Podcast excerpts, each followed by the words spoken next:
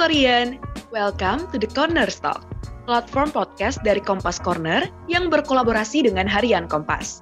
Kami menyajikan podcast dengan topik yang positif dan narasumber yang inspiratif. Jadi, kalian siap untuk menyimak? The Corner Talk, we talk to inspire.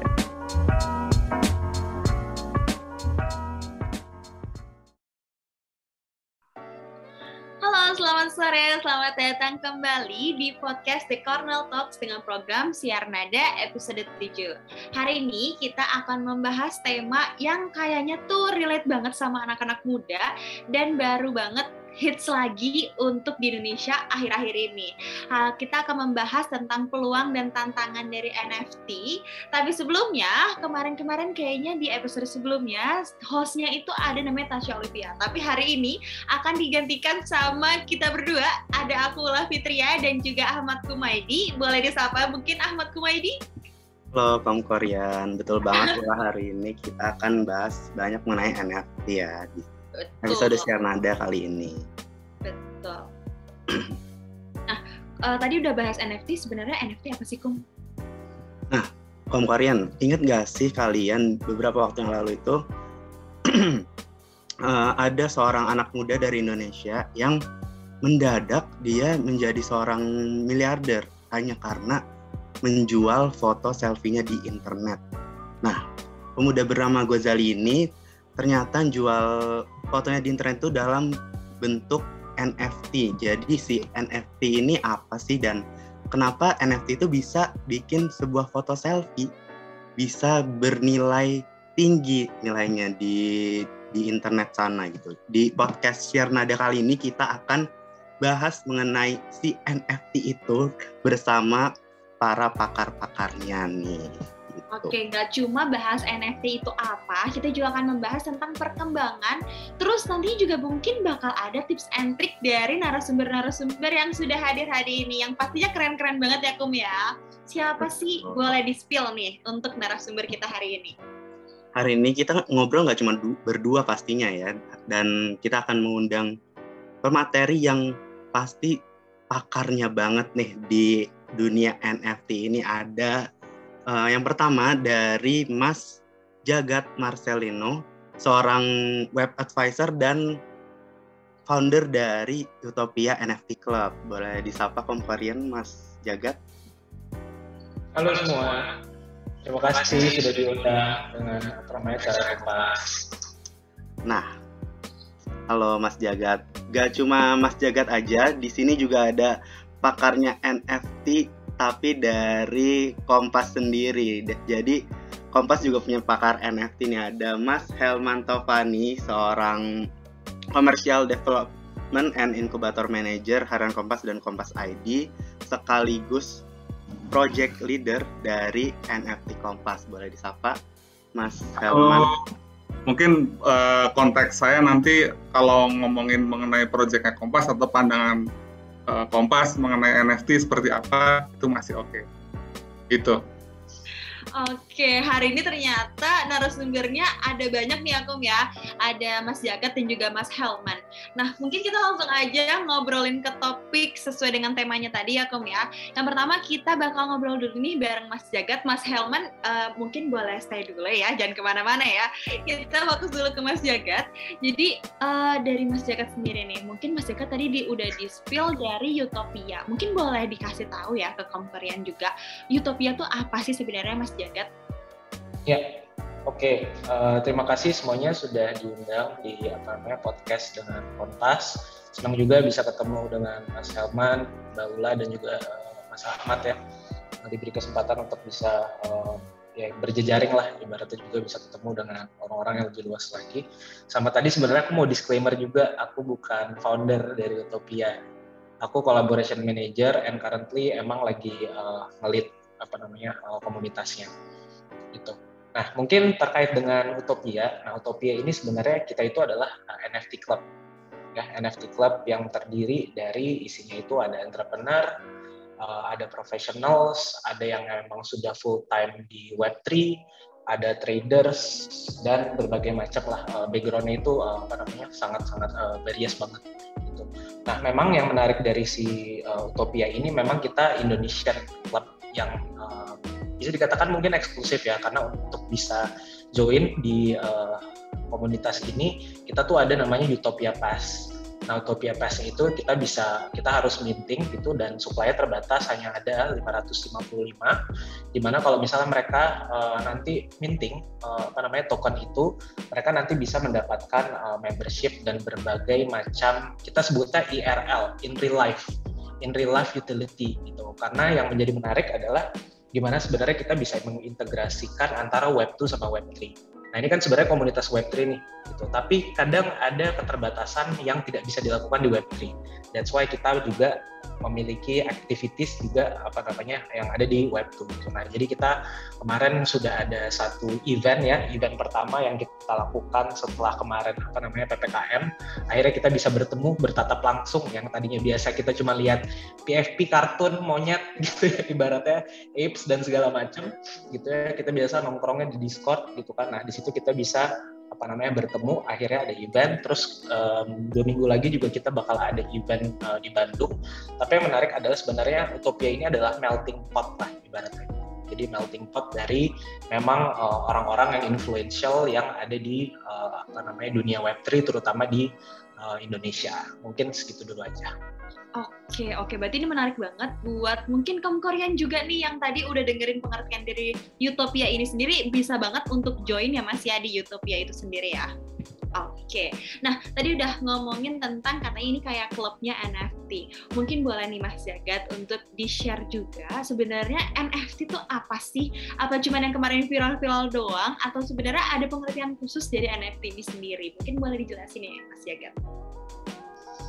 Oke, Nah ini aku senang banget sih sebenarnya ini yang pengen aku coba uh, clarify ya karena uh, narasi di media itu kan NFT is all about cuan, NFT is all about money, NFT is all about instrumen investasi yang volatilitasnya tinggi gitu. Nah, tapi uh, perlu kita garis bawahi bahwa NFT ini adalah salah satu turunan aja dari teknologi yaitu blockchain itu sendiri gitu kan. Di blockchain itu ya ada cryptocurrency ada decentralized finance gitu kan. Sampai akhirnya di tahun 2018 2019 ada satu token tokennya ini adalah ERC 7 uh, 721 ERC 721 nah jadi intinya adalah ini tuh NFT ini sebenarnya adalah token yang merupakan sertifikasi atas digital asset. Sebenarnya fundamentalnya di situ dulu tuh. Jadi ini adalah sertifikasi atas uh, digital asset gitu. Nah, kenapa sih ada kata-kata non fungible token gitu? Nah, non fungible itu artinya sebenarnya adalah unik artinya. Berarti cuma ada satu gitu. Nah, beda dengan cryptocurrency. Kalau cryptocurrency itu sifatnya adalah dia fungible. Fungible dalam arti kata berarti bisa dipertukarkan gitu kayak misalnya duit 100 ribu gitu ya aku tukar ke Mas Helman atau ke Mbak Ula gitu nilainya akan sama dengan 100 ribu gitu Nah, tapi ketika itu non fungible, dia tidak bisa dipertukarkan karena value-nya itu berbeda dan memiliki keunikan sendiri. Gitu. Nah, fungible itu ada yang uh, physical sama ada yang digital. Physical berarti apa? Ya, kita sebutnya fiat currency. Berarti uang yang kita sepakati di negara masing-masing. Ada US dollar, ada Singaporean dollar, ada Indonesian rupiah gitu misalnya. Nah, yang digitalnya apa? Ada Bitcoin, ada Ethereum, ada Solana dan berbagai macam token lainnya. Lalu masuk ke non fungible nih. Nah, non fungible tuh kalau di konvensional yang physical ya, itu ibaratnya tuh kayak lukisan. Nah, lukisan itu tuh masuk ke dalam kategori non fungible physical asset. Kita bisa lihat bentuknya ada di dunia nyata gitu ya, di dunia kita sekarang gitu. Nah, sementara yang kita omongin sekarang nih NFT itu masuknya tuh dia matrix paling kanan di bawah jadi dia tuh sifatnya non fungible, unik dan juga digital gitu. Nah, tapi prinsip dasarnya itu adalah sebenarnya uh, sertifikasi atas aset digital yang kepemilikannya itu menempel pada wallet seseorang. Gitu. Jadi orang nggak bisa ngaku-ngaku nih kayak misalnya uh, ada karya X gitu ya uh, diminting sama siapa atau dibeli sama siapa gitu. Itu kita bisa track tuh walletnya apakah betul memang dia memiliki uh, aset tersebut itu semuanya tuh transparan. Kalau misalnya di blockchain kita bisa track provenance-nya itu dari mana transaksinya masuk ke mana aja karya itu dibeli dengan harga berapa dan segala macam. ya, mungkin kita mulai dari situ lanjut Oke, oke. Berarti uh, kalau misalnya orang tahu NFT cuma gara-gara yang kemarin viral doang tuh berarti cuma kayak kulitnya doang kali ya Mas ya. Ternyata tuh NFT tuh ternyata lebih dalam tuh ada loh pengertiannya dan ternyata lebih kompleks lagi gitu ya Mas ya. Nah, kalau dari NFT sendiri ini uh, ada nggak sih Mas? Mungkin kan NFT ini udah ada di Indonesia atau kayak di dunia itu udah lama mungkin. Nah, inovasi-inovasinya seperti apa sih dari dulu sampai sekarang? Dan gimana nih caranya mereka dapat berkembang gitu mas. Iya, oke. Okay. Uh, eh, mungkin yang pertama ya kalau dari NFT itu sebenarnya mulai ramai ketika oke okay, di aku coba balik mundur gitu ya dari konvensional art dulu. karena kan memang yang ramai itu kan NFT art ya. gitu. Nah jadi kalau dulu di tradisional atau konvensional art ketika aku seorang seniman aku membuat karya ya misalnya karyanya lukisan. aku jual ke Mbak Ula misalnya dengan harga 100 ribu gitu ya. oke Mbak Ula beli. gitu. terus habis itu dari Mbak Ula uh, jual karya ini yang Mbak Ula udah beli ke Mas Ahmad dijualnya dengan harga 10 juta. gitu. Nah aku sebagai kreator aku sebagai seniman tuh aku udah gak bisa dapat apa-apa lagi. karena kan itu kepemilikannya sudah di Mbak Ula gitu ya. Terus udah Mbak Ula dapat gitu 10 juta 10 juta nah teknologi NFT ini the beauty of uh, apa namanya NFT itself gitu ya. Uh, kreator atau seniman itu bisa mendapatkan royalti dari secondary market. Dalam arti kata second hand-nya dari tangan kedua, tangan ketiga, tangan keempat itu tuh kita sebagai kreator tuh kita bisa mendapatkan royaltinya. Gitu. Jadi semakin uh, banyak karya ini berpindah tangan, justru keuntungannya yang akan dimiliki itu justru dari si creators atau dari uh, apa namanya dari seniman Misalnya kita ngelihat uh, seniman-seniman pertama, kayak misalnya kita ngomong David Hockney gitu, dia karyanya laku 9 juta dolar, gitu. Senimannya nggak dapat apa-apa, gitu. Jadi karyanya udah kegoreng kan di pasar gitu ya. tapi senimannya nggak dapat apa-apa. Nah, itu yang sebenarnya coba di solve dengan adanya NFT. Kita sebutnya information asymmetric sebenarnya kita nggak bisa track soalnya. Kalau misalnya di conventional world kita nggak bisa nge-track oke ini karyanya pindah ke mana apa segala macam. nah sekarang dengan ada blockchain kita bisa ngecek dari aku sebagai seniman aku jual ke Mbak Ula harga berapa dari Mbak Ula pindah ke tangan Mas Ahmad dari tangan Mas Ahmad pindah ke Mas Salman itu semuanya itu bisa di track. Dan aku sebagai seniman bisa dapat royaltinya gitu. Nah itu tuh sebenarnya prinsip dasar dari Web3 atau crypto itu adalah uh, apa namanya demokrasi, kita ngomongin tentang transparansi, kita ngomongin tentang fairness, kita ngomongin tentang keadilan sebenarnya. Gimana cara kita bisa memberikan kuasa dan power bagi orang-orang biasa yang sebelumnya itu tuh nggak punya akses sebenarnya akses Oke, tadi kan udah kita tahu kalau orang-orang itu cuma tahu NFT dari besarnya keuntungan dari uh, value-nya aja nih mas yang besar gitu ya boleh dikasih tahu mungkin ke orang-orang yang uh, baru mau mengerti tentang NFT ini apa sih keuntungan dari NFT itu mungkin uh, mereka mau masukin karya-karya mereka di dunia NFT atau ada orang yang pengen beli NFT dan apa aja sih ya. keuntungan dari NFT itu mas? Ya, ya paling ya mungkin tergantung nih dari individunya dulu dia mau ke arah mana nih maksudnya dan dia posisinya sebagai apa. Kalau misalnya dia sebagai creator, digital artist terutama ya dia membuat karya-karya digital, NFT, blockchain itu sangat-sangat membantu karena kayak misalnya tadinya um, katakanlah aku seorang uh, seniman visual digital gitu ya, aku tadi cuma upload karya di uh, sosial media. gitu itu kan aku sebenarnya nggak bisa generate dari penjualan itu kan. Nah sementara kalau misalnya kita minting uh, apa namanya di, di, di, di blockchain itu hasil aset digital itu actually bisa memiliki nilai gitu sebenarnya. Atau misalnya ada juga satu content creator gitu ya yang dia emang backgroundnya seniman juga, dia tuh biasanya uh, bikin karyanya tuh di YouTube. Karya-karyanya tuh bikinnya di YouTube gitu kan. Nah terus ketika adanya si NFT atau sertifikasi berarti aset digital ini tuh sebenarnya tuh bisa dimonetisasi gitu. Pasti orang tapi mikirnya gini, ya itu kan gampang, lu tinggal download aja apa namanya uh, apa namanya dari YouTube videonya gitu ya. atau misalnya lu tinggal ambil dari Instagram lu klik kanan terus lu save. lu bisa dapat gambarnya juga kok gitu kan. Lu bisa jadi wallpaper di HP lu gitu kan. Nah tapi sebenarnya bukan masalah itu. di Web3 di crypto di NFT kita tuh ngomongin sebenarnya masalah ownership gitu. Kepemilikannya di siapa? itu aset ini tuh kepemilikannya di siapa? nah justru semakin karya itu tersebar di pasar dan juga di masyarakat, justru nilai dari NFT itu mungkin bisa semakin tinggi. Kayak misalnya kita ngomongin uh, konvensional ya, ini Mona Lisa gitu ya. Mona Lisa kan kita bisa lihat gambar Mona Lisa di mana-mana gitu ya. Ada di Google, aku sekarang bisa nyari di Google, aku ambil gambarnya, aku jadiin wallpaper.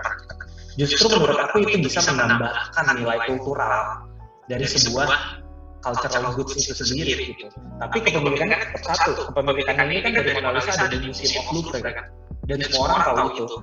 Gitu loh. Nah, jadi sebenarnya ke sana gitu. Dan tentunya kalau misalnya keuntungan dari NFT apa, ya satu, kalau misalnya memang kita pengen spekulasi, kita pengen trading, ya mungkin NFT dan crypto itu bisa menjadi salah satu instrumen investasi atau trading. Tapi mesti dalam satu ini ya bracket bahwa volatile kalau misalnya di crypto ataupun di NFT gitu ya. Um, lalu keuntungan kedua ya sebenarnya kita bisa menerapkan ini di jadi bisnis konvensional gitu. Karena dengan NFT kita katakanlah itu kan sistemnya sebenarnya kayak crowdfunding. gitu. Nah, nah jadi si NFT ini ada yang sifatnya kita sebagai kreator individual, ada yang NFT as a project. Nah, ini kalau misalnya as a project ini, ini perspektifnya kacamatanya kita berbeda lagi. ukurannya. Jadi NFT itu adalah sebagai tools untuk fundraising. berarti kita kalau bikin NFT project itu sama aja kayak kita bikin startup. gitu kan makanya di NFT project itu kayak oke okay, mereka itu sebenarnya apa sih yang pengen mereka capai gitu dari uh, karena NFT project mereka kita mesti melihat roadmap itu gimana. karena sama aja ibaratnya kita investor atau misalnya kita venture capital gitu ya.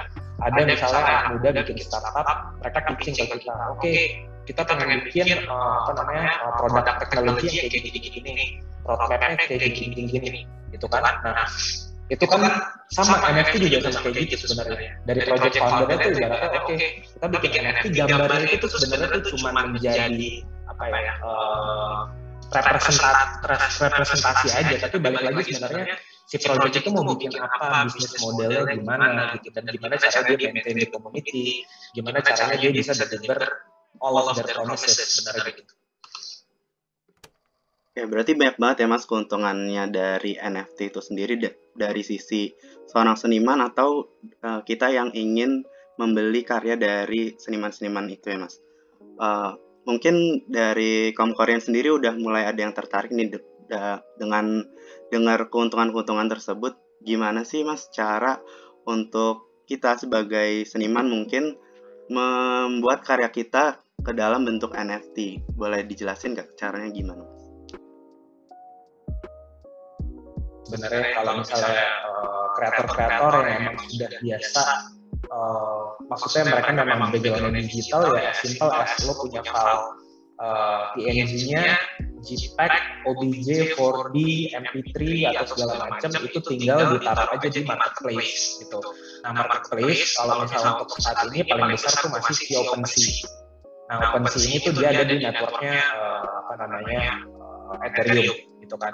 Di network lain itu ada Tezos, di Tezos itu ada uh, apa namanya kita sebut ada Hikatnam, ada Tega, ada UBJKT, terus di Solana juga ada marketplace sendiri gitu ya. Udah itu tinggal milih aja mau marketplace-nya di mana gitu ya. Terus kalau misalnya buat teman-teman yang uh, non digital itu um, bisa aja sih maksudnya kayak menurut aku kayak nggak semua orang cocok dan, dan nyaman, nyaman masuk ke NFT sebenarnya gitu. Nah, nggak, nggak, semua orang harus masuk ke NFT gitu. Itu balik lagi ke kenyamanan dia berkarya. Kalau misalnya emang dia nyaman buat di kertas ya sebenarnya nggak perlu juga itu buat digital gitu kan. Tapi kalau misalnya emang pengen mencoba bereksperimen ya bisa aja karya digitalkan atau misalnya paling gampang di scan gitu kan. Nah tapi justru menurut aku sebagai posisi seniman itu gimana caranya dia bisa mencari kemungkinan-kemungkinan yang tidak bisa dilakukan di konvensional art dengan ada NFT atau Web3 itu sendiri. Jadi menurut aku patut untuk diekspor dari sisi-sisinya gitu ya dengan berbagai macam narasi atau segala macam. Jadi ya, ya dari aku gitu. Sebenarnya simpel banget dan semuanya di YouTube dan segala macam itu udah ada caranya gitu ya. Yang penting tinggal nyiapin karyanya tinggal nyiapin walletnya tinggal masukin kriptonya ke walletnya transfer ke MetaMask udah selesai tinggal listing. atau tinggal minting di marketplace. Oke berarti uh, caranya sesimpel itu ya mas? Terus uh, sebenarnya kan kita tahu selama ini NFT itu hanya mungkin karya karya-karya art yang gambar-gambar gitu atau uh, ya yang cuma itu aja gitu. Sebenarnya ada karya-karya apa aja sih yang bisa kita masukin di NFT itu mas? Kalau ngomongin dari segi uh, sektor ya, sektor yang bisa masuk ke NFT itu udah pasti ada uh, apa namanya dari segi gambar itu ya ada art gitu ya. Ada art sama ada collectibles beda tuh. Kalau art itu lebih kepada ada seorang artis dia punya karya satu persatu dia jual gitu ya ada yang collectibles yang sifatnya mungkin editionnya banyak atau langsung jual sepuluh ribu atau yang basisnya project gitu.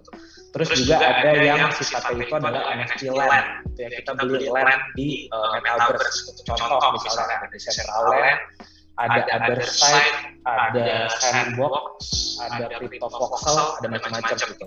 Sekarang yang lagi naik ini adalah NFT untuk musik, NFT untuk fashion, Terus juga yang lagi mulai ramai itu adalah NFT untuk properti, gitu. Nah itu sebenarnya namanya aku bilang kayak um, art itu tuh only it's the beginning sih sebenarnya. itu cuma awalnya aja. gitu. Nah ke depannya mungkin ya ini kayak kompas gitu ya sekarang udah masuk uh, apa namanya? uh, NFT gitu kan sebenarnya mungkin bisa aja ada satu uh, apa namanya uh, sektor baru gitu ya NFT journalism gitu. Yang menurut aku itu patut untuk bisa dieksplor juga kan kemungkinan-kemungkinan di situ gitu. Karena bagaimanapun kan dari sisi kompas harus tetap bisa uh, beradaptasi gitu ya dengan teknologi. Oke, tadi Mas Jaga udah ceritain gimana cara simpel itu untuk uh, kita bisa istilahnya bertransaksi lah di NFT sendiri, mulai dari upload, terus juga membeli dan juga bertukar sama orang lain. Nah, kalau misalnya dengan sesimpel itu nih Mas, uh, ada nggak sih sebenarnya kejahatan yang bisa terjadi di NFT sendiri? dan mungkin Mas Jaga bisa kasih uh, info ke kita biar kita tuh nggak kejadian juga nih misalnya terjadi kejahatan pada diri kita selama kita uh, berseluncur di NFT ini nih Oke, hmm. banyak banget kejahatan-kejahatan yang terjadi gitu ya di NFT, scammer-scammer itu banyak banget, pinter-pinter banget dan ibaratnya kayak ada satu nih misalnya udah solve makin pinter lagi, makin pinter lagi, makin pinter lagi, makin pinter lagi gitu. Ya tapi nggak apa-apa karena menurut aku memang kitanya belum terbiasa dengan sistem blockchain ini. Kita bisa lihat mundur kalau misalnya zaman dulu kita baru pakai credit card atau visa. Sebenarnya kalau kita pengen tarik sejarah tuh dulu juga banyak loh scam-scam gitu ya credit card dan segala macam. Nah ini sebenarnya satu teknologi baru yang orang mungkin masih ibaratnya apa ya masih shock kali ya masih masih masih kaget dan masih belum benar-benar uh, apa namanya tahu betul gitu bagaimana cara apa namanya menggunakannya dengan baik. Yang pasti adalah kalau misalnya di NFT itu kita kan punya uh, crypto wallet gitu ya. Crypto wallet itu biasanya kita pakai MetaMask. Gitu. Nah dari MetaMask ini ada seed phrase. Nah, seed phrase ini ya ibaratnya kayak sebuah password yang memang sudah menempel pada crypto wallet kita gitu. Nah, itu jangan pernah di-share ke siapa pun dan jangan pernah disimpan dalam bentuk digital. Bisa ditulis, bisa diingat atau bisa di apa apa pun itulah. Terus kalau misalnya di Discord jangan pernah buka DM dari orang yang tidak dikenal. Gitu. Jadi DM itu harus dimatiin Uh, terus habis itu orang-orang uh, pokoknya intinya nggak kenal itu langsung di blok terus direct message itu dimatiin dari orang yang dikenal gitu ya. terus habis itu hati-hati juga dengan link-link palsu itu mesti dicek gitu ya. Karena ada satu link yang menyerupai link yang official tapi ternyata palsu gitu. terus ada uh, minting link yang sebenarnya ngaku-ngaku project apa tapi ternyata itu langsung ke wallet address-nya mereka gitu Nah, nah jadi itu banyak banget apa namanya kejadian-kejadian dan teman-teman itu wah banyak banget yang kemarin juga apa namanya kena scam gitu. Ya jadi sebenarnya lebih ke arah situ sih uh, dari segi uh, security.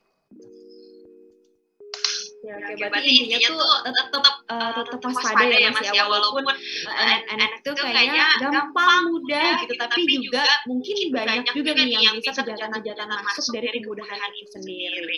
Nah, tadi Mas Jagat udah mention mention katanya Kompas itu juga bikin NFT NFT baru.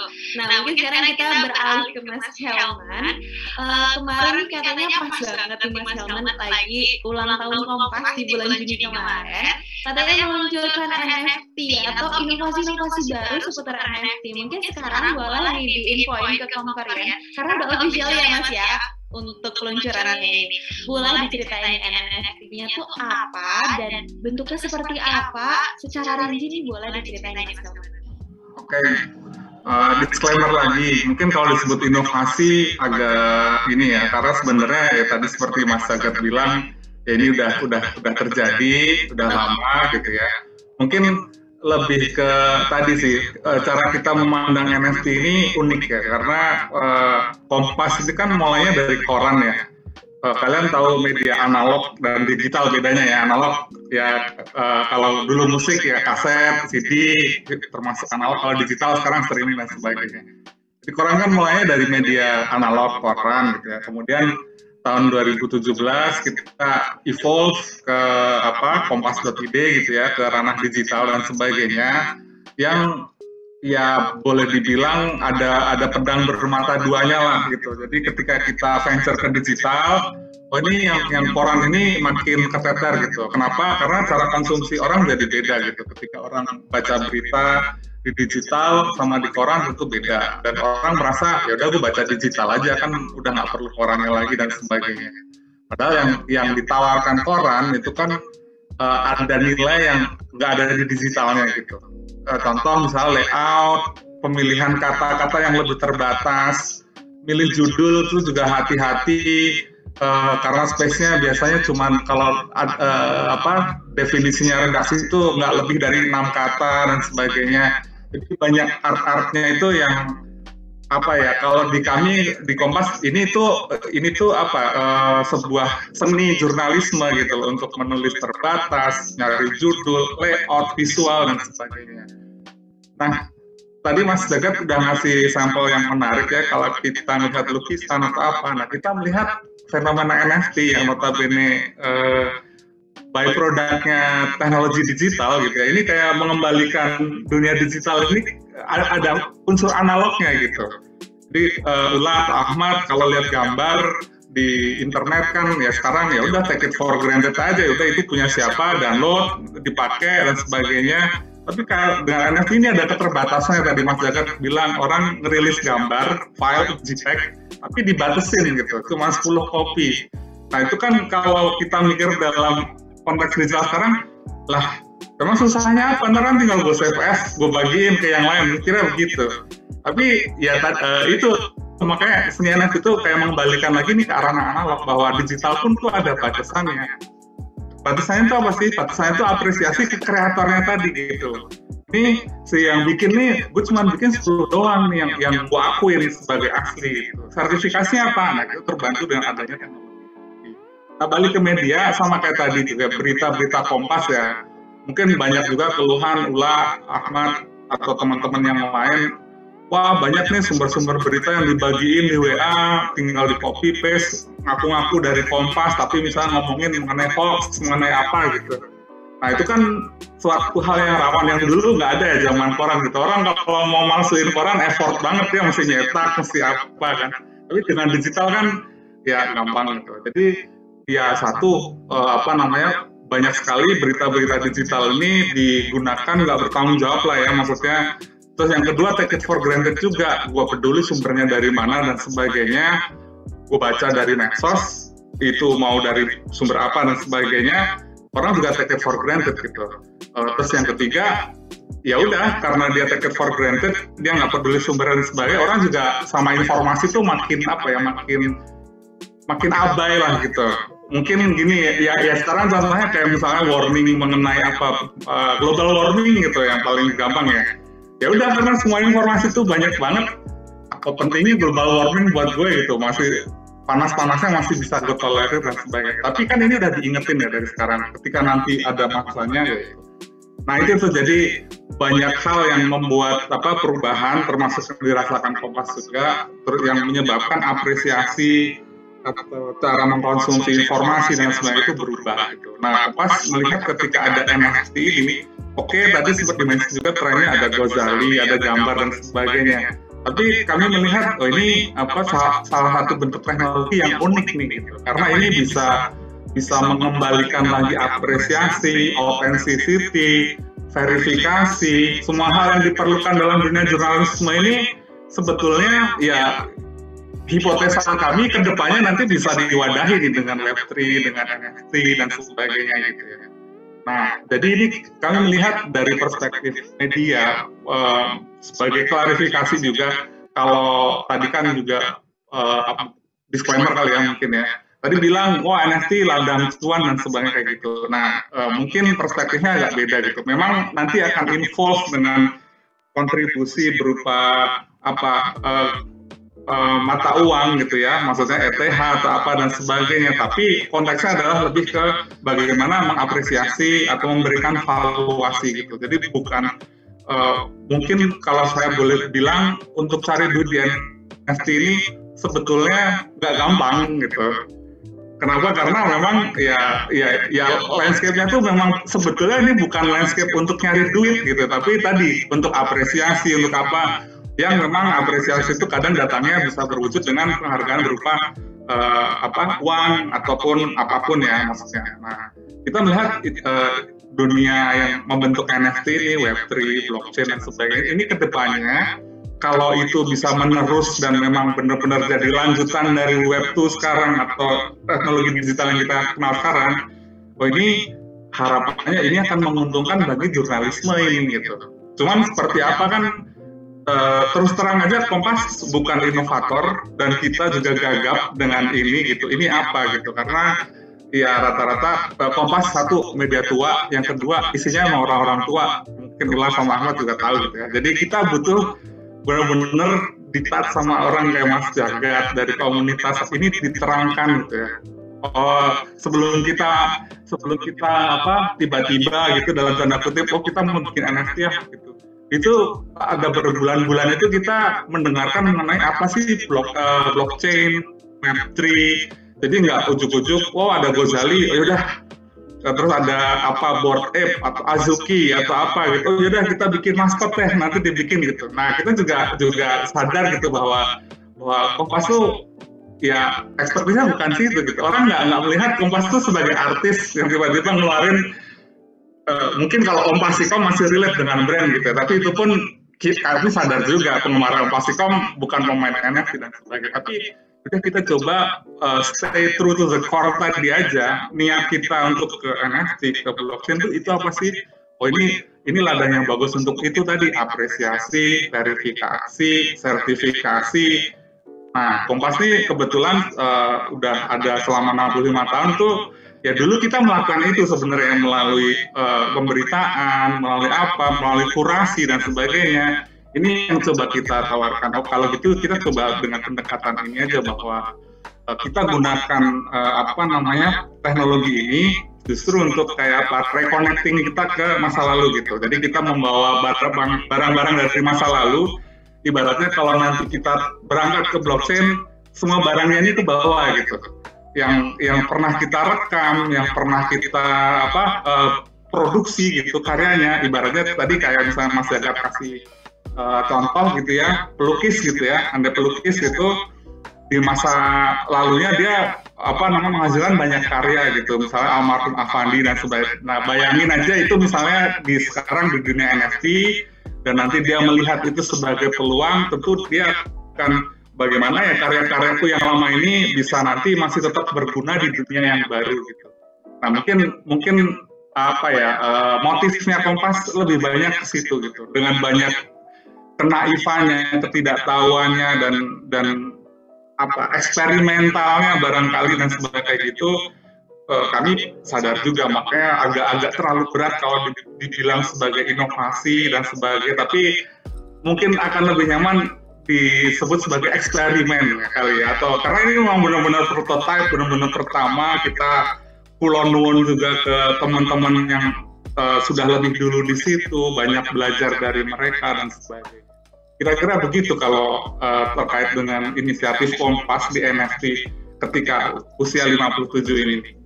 Oke, berarti ternyata NFT Kompas ini punya misi yang mulia ya. Mulai dari uh, produsen misalnya yang membuat dari berita-berita ini sendiri, terus juga tadi katanya apresiasi. Kayak kepikiran aja gitu ya, ternyata di Kompas tuh mau mengapresiasi dan juga mau membuat inisiasi seperti ini gitu. Nah, uh, nggak lain juga nih hasil dari NFT Kompas ini juga berarti mengikuti tren juga ya Mas ya, yang sekarang ini sedang menjadi tren juga di Indonesia gitu ya Mas ya. Mungkin tren yang kita ikuti dengan hadirnya orang-orang seperti Mas Jagat, komunitas Utopia, komunitas yang lain adalah tren untuk memberi value atau apresiasi ke sebuah karya gitu. Itu yang kami rasakan ya tuh biasa sudah agak hilang ya dan mungkin itu yang dirasakan juga sekarang sama teman-teman musisi dengan banyaknya NFT musik gitu. Karena ketika era CD atau rekaman itu hilang kemudian MP3 di di wah udah di udah dua ke mana-mana gratis dan sebagainya. Itu kan memukul mereka ya. Bahkan banyak kasus tuh orang nggak ngerti tuh penyanyi aslinya siapa ketika di cover sama siapa yang lebih ngetop gitu misalnya ya udah itu jadi rolling dan sebagainya. Dia nggak dapat royalti.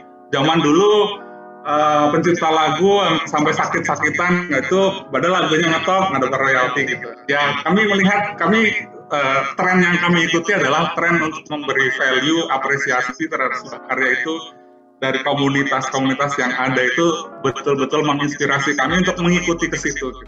Mungkin tren yang diikutinya ke situ ya. Kalau dari tren secara cuan, ya masyarakat mungkin juga bisa ngerti kalau secara pasarnya sekarang malah justru lagi boleh dibilang nggak terlalu menguntungkan ya. Tapi justru ketika apa istilahnya beer market lah ya itu tuh memberi peluang buat kayak kami ini untuk bereksperimen gitu. Karena biaya murah gitu dibanding dulu ketika puncak-puncaknya zamannya Gozali kita mau nyoba resiko apa investasinya gede banget kan. Maksudnya kita mau bikin mau jual 0,1 ETH aja dulu kalau Amsyong bisa puluhan juta gitu. Nanti saya nggak digaji sama kantor kalau Amsyong ya kan. Nah kalau ini uh, peluang-peluang untuk nyoba tadi Mas uh, juga uh, mengibaratkan dengan seperti startup gitu ya. Itu menurut saya sangat make sense gitu. Karena yaitu harusnya itu memberi apa ya memberi inspirasi peluang buat orang yang mau nyoba gitu di kondisi sekarang ini. Itu mungkin tren yang kami ikuti lebih ke situnya sih. Gitu. karena kami sangat senang sekali dengan uh, apa peluang yang diberikan dengan teknologi blockchain Web3 dan juga NFT ini terhadap apa yang kami percaya gitu. Oke, uh, kita udah dengar banyak banget penjelasan mengenai si NFT ini ya. Uh, mungkin aku mau uh, mau tahu nih dari Mas Jagat dan Mas Helman pendapat uh, Mas Mas ini mengenai NFT ini dan bagaimana harapan Mas mengenai tren NFT khususnya di Indonesia seperti apa ke depannya? Boleh dikasih tahu? Mungkin dari Mas Jagat dulu ya. Oke, ini harap, lebih ke harapan ya? Iya, untuk harapan Oke, um, ya um, mungkin dari aku um, mungkin dari teman-teman yang memang sudah masuk ke NFT gitu ya, mungkin perspektifnya bisa diperluas lagi bahwa NFT itu tidak hanya cuman masalah trading sebenarnya. bahwa NFT itu adalah salah satu alat atau instrumen teknologi yang ke depannya juga sebenarnya kita bisa eksplorasi. ini bisa jadi binatang apa gitu sebenarnya. gitu. Dan juga yang kedua adalah um, uh, FOMO ya ngomongin FOMO dan segala macam gitu. hmm, uh, kalaupun memang harus trading jangan trading based on rumors aja sih. and only trading based on hype. gitu karena balik lagi NFT itu sebenarnya punya fundamental. dan itu yang sebenarnya kita pengen propagasikan di apa namanya di Utopia.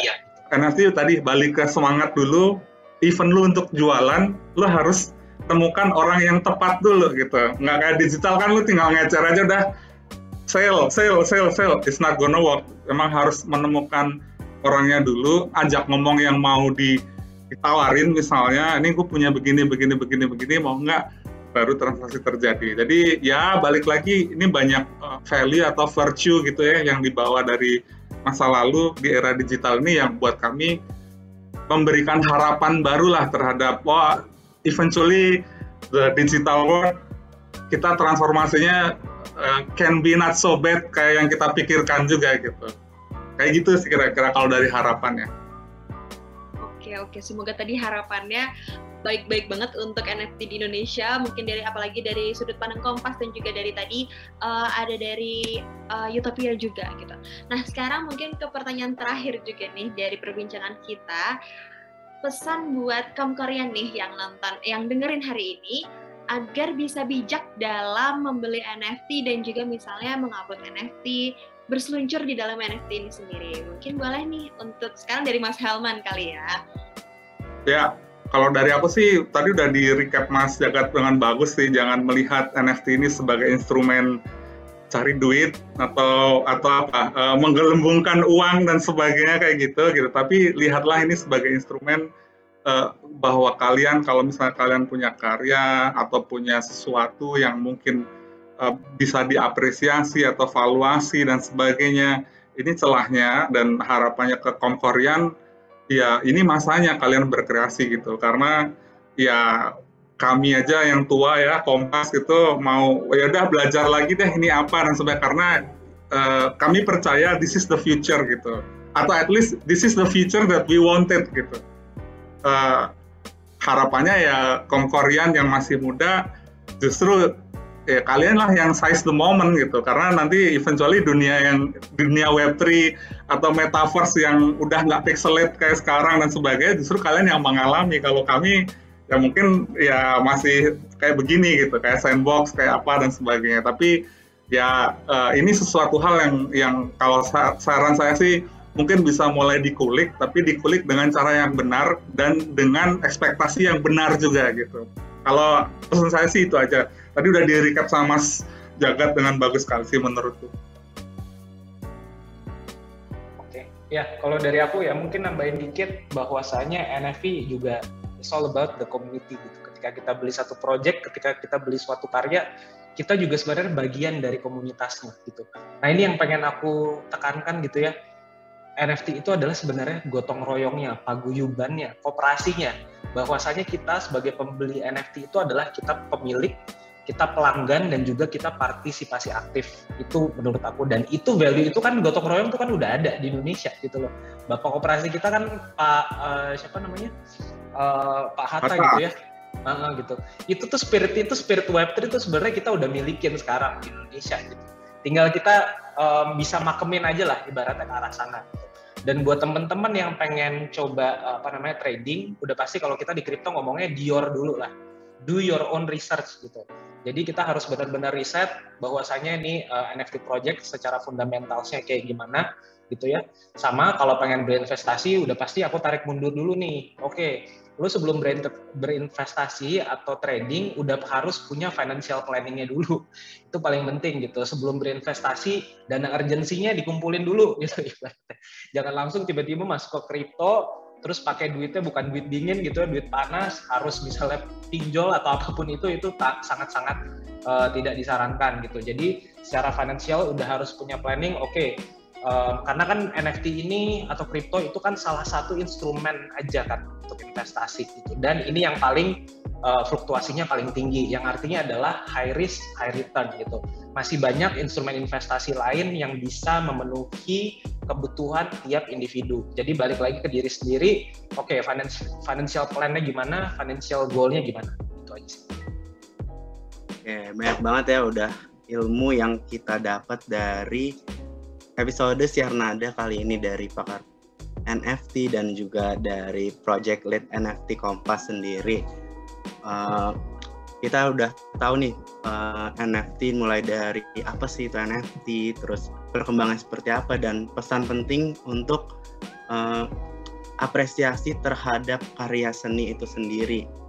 Nah, semoga kaum Korean yang dengerin podcast Nada episode kali ini dapat terinspirasi untuk bisa mulai terjun ke dalam dunia NFT dan mungkin yang ingin berinvestasi dengan uh, dengerin podcast ini bisa bisa bisa dapat uh, mulai tidak gegabah dalam berinvestasi melalui NFT ini sendiri gitu ya. Pencerahan ya Kum ya dari dengerin podcast hari ini ya. Nah, jangan lupa untuk teman-teman semuanya, kaum Korean yang nonton dan dengerin video podcast kita, jangan lupa untuk terus dengerin video dan podcast kita. Sebelumnya juga kita berterima kasih kepada Mas Jagat selaku dari Utopia dan juga Mas Helman dari NFT Kompas yang sudah hadir dan memberikan inspirasi, memberikan sharing-sharing info-info yang sangat bermanfaat. Semoga juga nanti yang nonton juga bisa mendapatkan uh, positive vibes dari Mas Jagat dan juga Smart Helman yang ada di sini. Jangan lupa untuk teman-teman semuanya selalu ikutin podcast Yarnada yang ada di Cornell Stop dan juga ikutin semua episode-episode yang nantinya akan datang. Saya Lola Fitria dan juga Ahmad Kumaidi pamit undur diri. Terima kasih dan selamat bertemu di episode seterusnya. Terima kasih.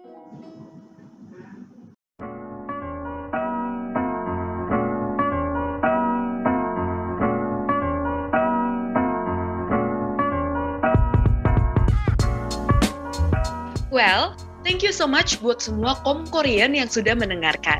Tungguin episode kita berikutnya, tersedia di Apple Podcast, Spotify, Anchor, dan YouTube Kompas Corner.